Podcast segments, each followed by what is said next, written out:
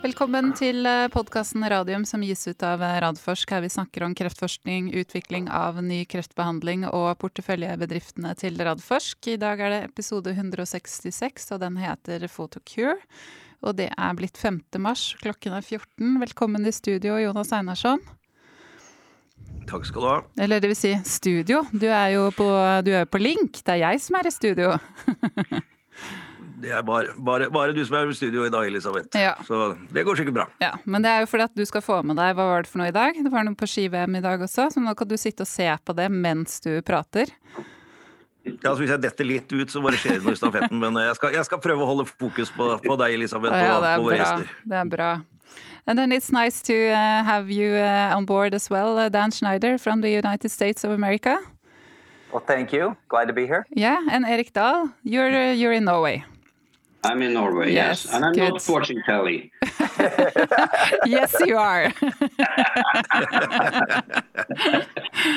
okay, it's so nice to uh, to have you here with us again in the podcast. Uh, you just had uh, the fourth quarter 2020 results uh, presented on Wednesday, and. Um, it was very well received. Uh, I see from the from the stock exchange. Um, Dan, I think we will start with you, and maybe you can give us the highlights from from the fourth quarter. Sure, happy to. Uh, you know, fourth quarter and the whole year, very very busy year, but a very very good year for us, I believe. Um, fourth quarter, we had sales increase uh, year over year, and even on the on the year itself, fiscal year 2020, uh, despite the COVID pandemic. U.S. was up 48%, and globally we were up 66%. Now, some of that has comes through the uh, take back rights from uh, Ipsen, but nonetheless, at least in the U.S., we were able to find a way to grow the market in a very tough conditions. Uh, we delivered a positive EBITDA in the Q4, and our cash position uh, grew to 335 million NOK from 322. I think probably one of the most remarkable things of Q4 is going to be the the the uh, the acquisition and the startup of the European operations on October 1st. I think if you know you step back and look at that and think about we signed that deal right after our July 1st. We had less than 90 days to get this up and running and turn the lights on on October 1st. And I'm very proud of the team and the work that they had done to make that happen from distribution channels to country managers to MAHs rolling over. Um, it was just an astounding amount of work. It took a lot of time and effort. People put in long hours, but we successfully achieved that. In addition, the US, I think also quite astounding is the fact that we installed 45 new cystoscopes in a pandemic year. That's our third highest year ever. And the fourth quarter itself was on par with the rates that we had in 2019. Uh, so that that bodes well for our future because that is sort of the future KPI for us. The more accounts we start up, it means the more Cysview kits that we can sell them into.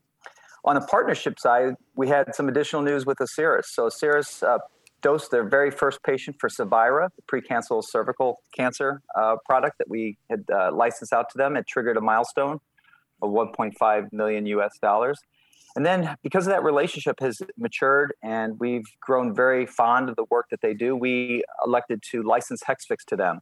And they will now be uh, filing for that in China and, uh, and hopefully commercializing in the coming uh, year or two that triggered another first milestone payment for PhotoCure, which was which was fantastic. But I think overall, I think the, the theme of, of 2020 and the fourth quarter is we managed well through a very tough year. I think we're well positioned for growth. I think the one thing we did see is COVID starting to return as a second wave, uh, beginning in about November timeframe. So that has had a, a little bit of a headwind to us, uh, but but not going to stop us. Uh, we're well positioned. We kept everybody uh, throughout the year in the commercial organization. Uh, and I think that bode well for us when we hit Q3. We were able to really quickly capitalize on the opening of the hospitals and, and drive sales, and we're in that same position again uh, when the second wave uh, passes. And I guess I'll close with the finals. We, you know, we elected to suspend guidance because of the uncertainties around COVID. It, it continues with the second wave. There's another variant. The vaccines are not rolling out like they should. So uh, we're just, you know, you can't inventory time, as Erik says, and, and time is a, a, factor here. So we suspended and we'll come back to the market with future guidance uh, when uh, things clear up and we have a better visibility on the future. Hmm. Thank you so much. Um, Erik, maybe you can walk us through the, the finances of this fourth quarter. Yeah, I definitely will. We, we had a great quarter. Uh, it's pretty evident from the numbers We increased our revenue with 66% in the fourth quarter and 20% for the year. And we had a solid EBITDA for the quarter, 15 million NOK. Uh, U.S., to take that first, had a revenue growth of 48% in the quarter. It's partly driven by a release of an accrual from the second quarter, but more importantly, driven by a volume growth in the U.S. of 11% in the quarter year-over-year. We're talking about a COVID quarter compared to a quarter that didn't have COVID. So and so for and for the full year, U.S. increased revenue with uh, 15%. So, you know, in spite of the pandemic and thereby the limited access to institutions, the U.S. organization actually continued to grow the business, both in terms of revenue, but also in terms of installed base of cystoscopes. 15 scopes, as Dan said, 15 scopes were installed in the fourth quarter. Hmm. Now, looking at Europe, revenues increased 83% in the quarter and 24% for the year. This growth is obviously the result of the successful transition and launch of the European Hexvix operations. The commercial rights to the European markets were transferred from Ipsen to Photocure on October 1st, and the transfer had a positive impact on both revenue and EBITDA. And just as important, it makes Photocure a truly global company. Mm. On the negative side, as Dan mentioned, we saw a resurgence of the pandemic late in Q4 and continuing into 2021. The visibility is not good. Well, it's bad, really. A lot of uncertainty in spite of the vaccines that have been developed. Cash-wise, however, we are in good shape. We ended the year with cash balance of 335 million, with an increase in the fourth quarter of 13 million. So We're doing good. Hmm. That's uh, great to hear. Do you have a comment, uh, Jonas?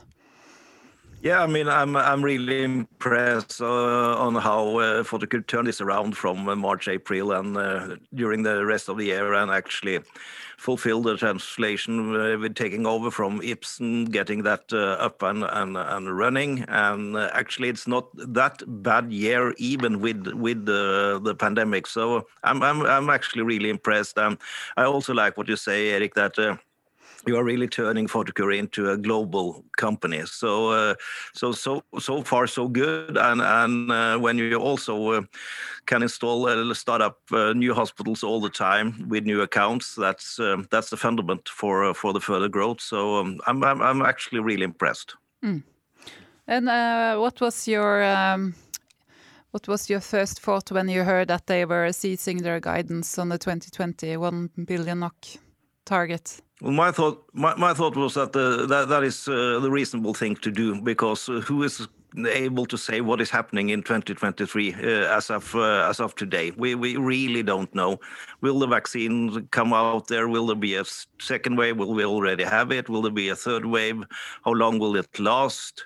Will it be be uh, that hospitals uh, are run over by COVID patients again? So it's so much uncertainty that we just have to follow this from quarter to quarter, I think. And and and maybe next time the guidance will be on a shorter basis than than you did last time, Dan. Yeah, I hope so. Do you have any thoughts on when you will uh, when you will go back and have a guidance again? I know it's uncertain, but could you say, is it maybe when you see that the pandemic is flattening out or when the WHO says, "No, now there's no pandemic anymore"? Do you have any thoughts on that? Dan? Oh, I'm sorry. I'll answer that. I was excited. I thought Erik was gonna answer it, but we're all remote. It's hard to tell who's gonna uh, speak. You can uh, you can both answer, actually. Okay. Yeah, I you know, the the short answer is we don't know when we'll put out new guidance. It certainly will have to be after we've uh, the COVID has uh, subsided. It's clear that the the world is in a better place. It's almost at a pre-pandemic kind of state. You know, you got the herd the herd inoc- inoculation or the herd immunity factor playing into it. And Vaccines have been rolled out. Um, but that doesn't look like that's gonna happen at least through the first half of this year, and probably will carry into the second half to some some degree. Yeah, we we need to we need to see a decline, and we need to see uh, um, that we need to have an increased visibility. We need to have the the the specialists agreeing on what the future will look like because 100 specialists today have at least 101 opinions about the future. So it's it's very difficult. Yeah, I, uh, all this uncertainty is, is really difficult. But I also think, as Jonas said, it was very wise of you to just uh, seize that target now and see see what happens. I think in, in Norway now they say that the two next months will probably be the worst, and uh, one one of our hospitals they are now um, full with uh, with corona patients. So it's uh, it's going to be mm. some tough months coming up.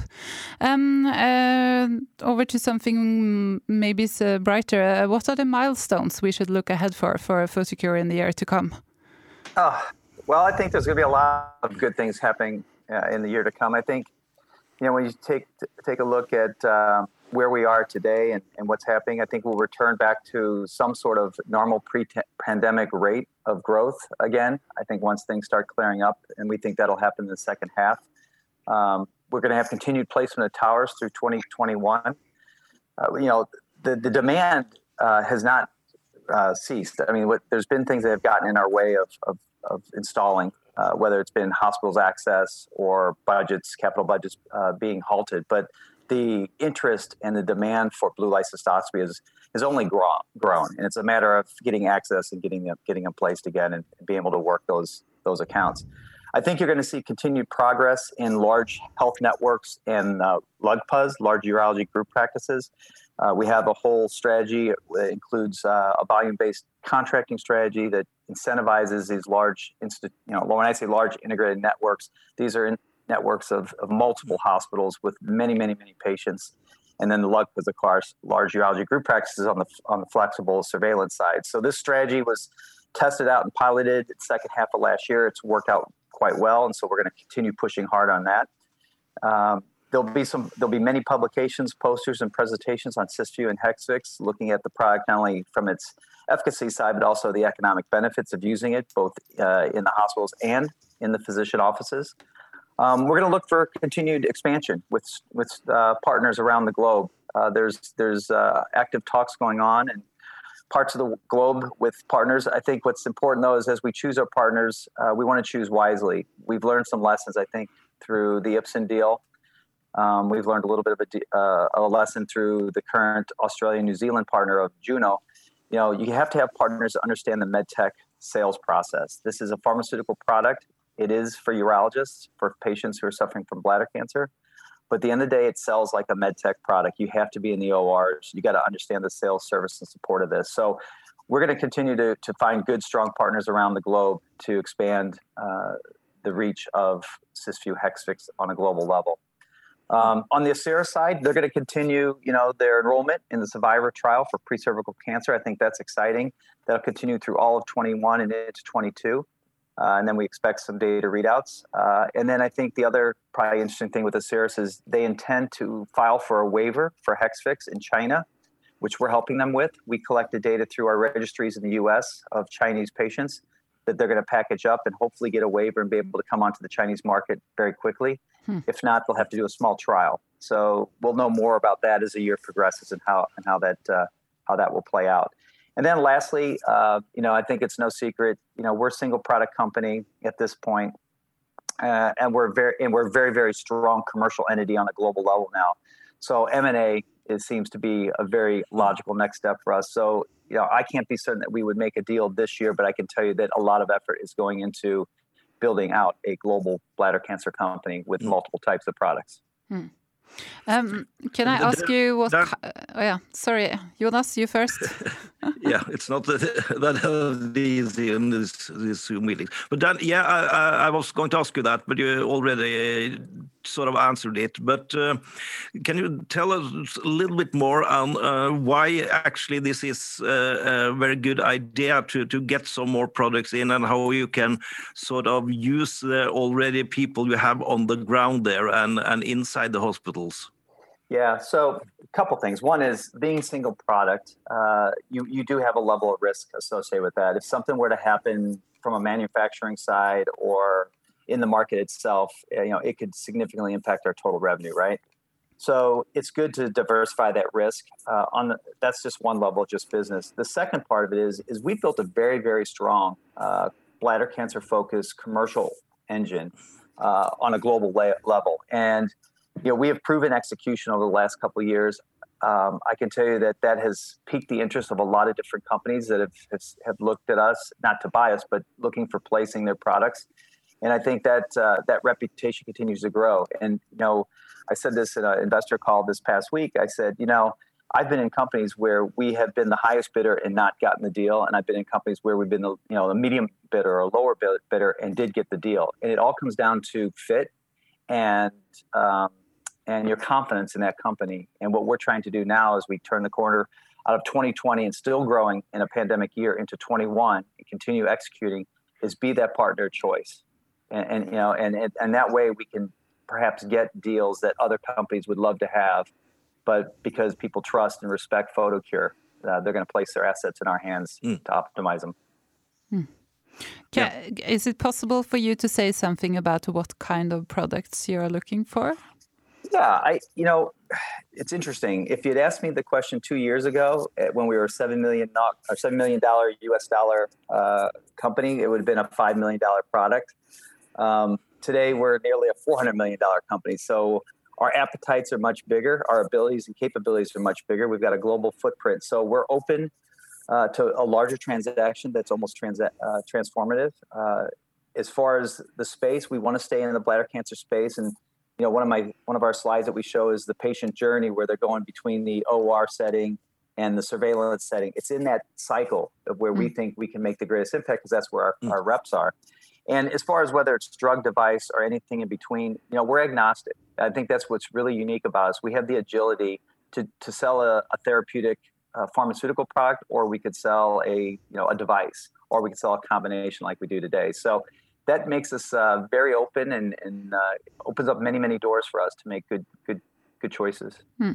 Will be very interesting to see when uh, when the deal or deals are finalized. Um, mm. Erik, do you have something to add uh, to the milestones coming up?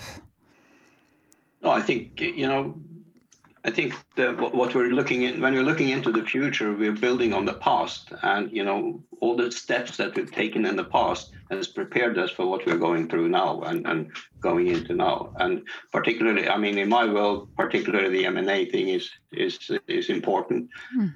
exciting, and it's going to really transform this company. Mm.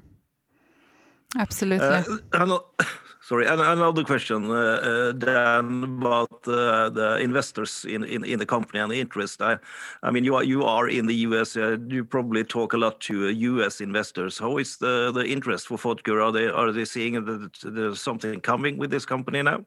Yeah, you know, Jonas, that is probably the most dramatic development in 2020 that's probably unseen by a lot but felt by Erik and I. And that's why we brought on uh, David Moskowitz to head up our, our, IR, our investor relations function, because the volume of interest in Photocure has grown substantially, uh, exponentially, to be honest with you. Um, when we started the year, the uh, mix on our stock as far as ownership was about 90% Norwegian, most of that being retail. I can tell you today that it's about 50 50 Norwegian, and then the other 50% is ex Norwegian predominantly Swedish, US, and UK. Uh, big big funds, long term holders, blue chippers in many cases, um, specialists, generalists, but people who've learned the story. And the, the comment we've gotten from many of these guys over the cat over the past year is, "Where have you guys been? This is a great story. We see tremendous value. You're a growth story. You're you guys have something really going on here. Uh, we've had." Investors or investment funds step up and say we want to pony in 50 100 million dollars to be a part of this mm. uh, to help you guys grow into a you know full-blown global bladder cancer company beyond just hexvix and cysview. Um, it's been astounding really uh, and, and, we're really proud of, of the work we've done. It's, it's been a long road for us. Uh, you know i think if you go back two years ago i think we had uh, different type of relationship with a lot of our investors and i think we've really mm. grown you know we promised and we're delivering on our promises and i think that goes a long way right mm. and uh, we continue yeah. to want to do that I can I can absolutely agree that uh, the investors has an, uh, another kind of relationship to this company today than they had some years ago, and it's uh, it's positive. Mm. Good. what what did you actually mean there? It was a lot. It was a lot of uh, con under context. Uh. I think I think both Dan and Erik know okay. what I mean. Yeah, but that's so so nice to hear, uh, Dan. Congrat congratulations uh, on that. Um, And and I also see that uh, the um, the fourth quarter results they were excellently uh, uh, taken uh, by the stock exchange here in Oslo. I think you went up 12 to 13 percent. How's your comment on that? Yeah, you know, I think what we're seeing is I, I can't comment on our valuation. I no, think no, the, no. uh, of course, the shareholders, the shareholders, of course, will, will determine that. But I think what it looks like is, is investors are starting to realize the amazing potential of Photocure, and it's more than just Hexvix and Cysview. It's it's it's the it's the you know the the value of of a global franchise of people that execute on what they promise, um, on you know making deals with partners and having partnerships around the globe that are trusted and actually work. I think. Uh, I think it's it's all getting realized by by everyone. Um, like I said, the last two years it was we spent a lot of time communicating it to the market. Uh, it's you know I I have to give a special nod to many of our retail um, uh, holders shareholders out there because they really amplified our efforts. I, I really do appreciate the hard work that they put in behind the scenes for us, believing in us. You know, and I can name name the names, but uh, just uh, tremendous appreciation to that to that group because if it weren't for them underpinning um, the early part of my tenure here, mm. I think I would have been going crazy. But they, they believed in me and they believed in the company, believed in Erik, and and that helped us uh, get to where we are today. Mm. So. Um, and like I, I, mentioned, the comment on you know the mix of investors is much different today now coming in and and, and you know building positions within the company because they believe in it and they love the story. Mm. That's great. Um, we have one uh, question uh, from a listener. We can take that now. Um, the question is What kind of research and development are you doing, and can we expect development in this area over the next years? Yeah, uh, on the R&D side, I think the first thing I'd, probably step back and say, you know, we're a different company. Um, when Photocure started out, it was definitely an R&D type company focused on photodynamic therapies and diagnostics. But you know, we're transitioning to a commercial organization focused on merger and acquisition, more inorganic growth, uh, which is exciting, and it's it's really the direction of travel we need to go. However, having said that, we have indicated that there is some sort of development work going on our own product, Hexvix Cysview, as it should. You know, looking at ways to improve the product. Um, you know, whether it's using uh, coupling it with artificial intelligence or or the other one that's very interesting that I think you'll see uh, some some publications coming out is this idea that there's some therapeutic benefit or it's doing something, mm. and, and, it's not really well characterized at this point. Um, but it is interesting, um, uh, and, and and more to come on that. But it's not a full blown development program at this point. It's it's more investigative, and if it if it does, uh, you know, bring something to light that's worthwhile pursuing, we'll do it. Mm. Um, you are, you're not thinking of, of moving like the Photocure tried some years ago to moving the technology into other organs than uh, than the bladder. Mm. Yeah, it was before my time. I know that they had, and Eric probably could comment on this uh, more than I. I know they had looked at it in the in the colon. Of course, we had Visonac for acne, and we've had Metvix for skin cancers and uh, Cevira for cervical cancers. I know they've looked at other parts of the body, um, but but uh, at this point, we're not really pursuing any of those yeah, for various reasons. They may not have proved out, yeah. you know, is I think what's happening. Mm. Whether it's delivery yeah. or, or, you know, or efficacy, I'm not really sure. Okay. I, I believe in focus. And mm. when we look at the past months and couple of years, we see what focus can result in. Mm. Yeah. Wise, uh, wise words, uh, Erik. Um, do you have any final comments before you can go back to watch uh, the ski? no, I just want to say once again, that I'm I'm really impressed how how Photocure uh, has come through this uh, pandemic year, and uh, there's still some uh, a lot of uncertainty and, and a lot of of challenges uh, ahead of us. But uh, so far, so good. Mm. Mm. Erik and Dan, do you have some final remarks? Oh, Erik, you want to go first, and I'll finish.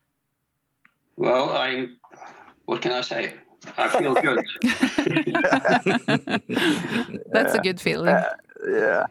I, you know, I just think we're in a we're, we're a growth story, and I think we're a good story. And I you can't lose sight of the fact that uh, there really is no competition in the marketplace other than inertia. It's mm. it's it's a an it's an acceptance that the white light has been the standard of care for for the beginning of time, and that we're bringing a disruptive technology to the market with a high powered commercial uh, organization that's going to, you know, really, I believe it will be it will become the standard of care. It's interesting. We've gotten word now that some of the trials that are being designed are to being designed with blue light cystoscopy mm. as preferred cystoscopy during trial. That's that's light years from where they were, you know, or where we've been in the last few years. So, mm. you know, you can think that if if it's getting incorporated into the trials, there's more and more belief in blue light cystoscopy than ever, and and we think that's mm. exciting. Uh, we have a large patient registry uh, that will be publishing a lot of data out of out of the U.S. that I think will bring some interesting things. So, you know, stay tuned. Uh, I think it's you know we're an exciting growth story, and I think those that love exciting stories going somewhere, this is a place to be. Hmm. That sounds uh, sounds very good, and I look forward uh, to, to, talking to you um, probably around uh, when you present uh, Q1 results. Uh, well, do, uh, do, you have issued the dates for that yet? Probably. Do you do you remember? it's out there. I wish I remember. I think yeah. it's first days of June. okay, so around around June we will talk again. Yeah, but that's that's so nice, and um, good luck with the next quarter. Yeah. Thank you. Yeah. Thank you. Okay. Bye. All right. Bye bye.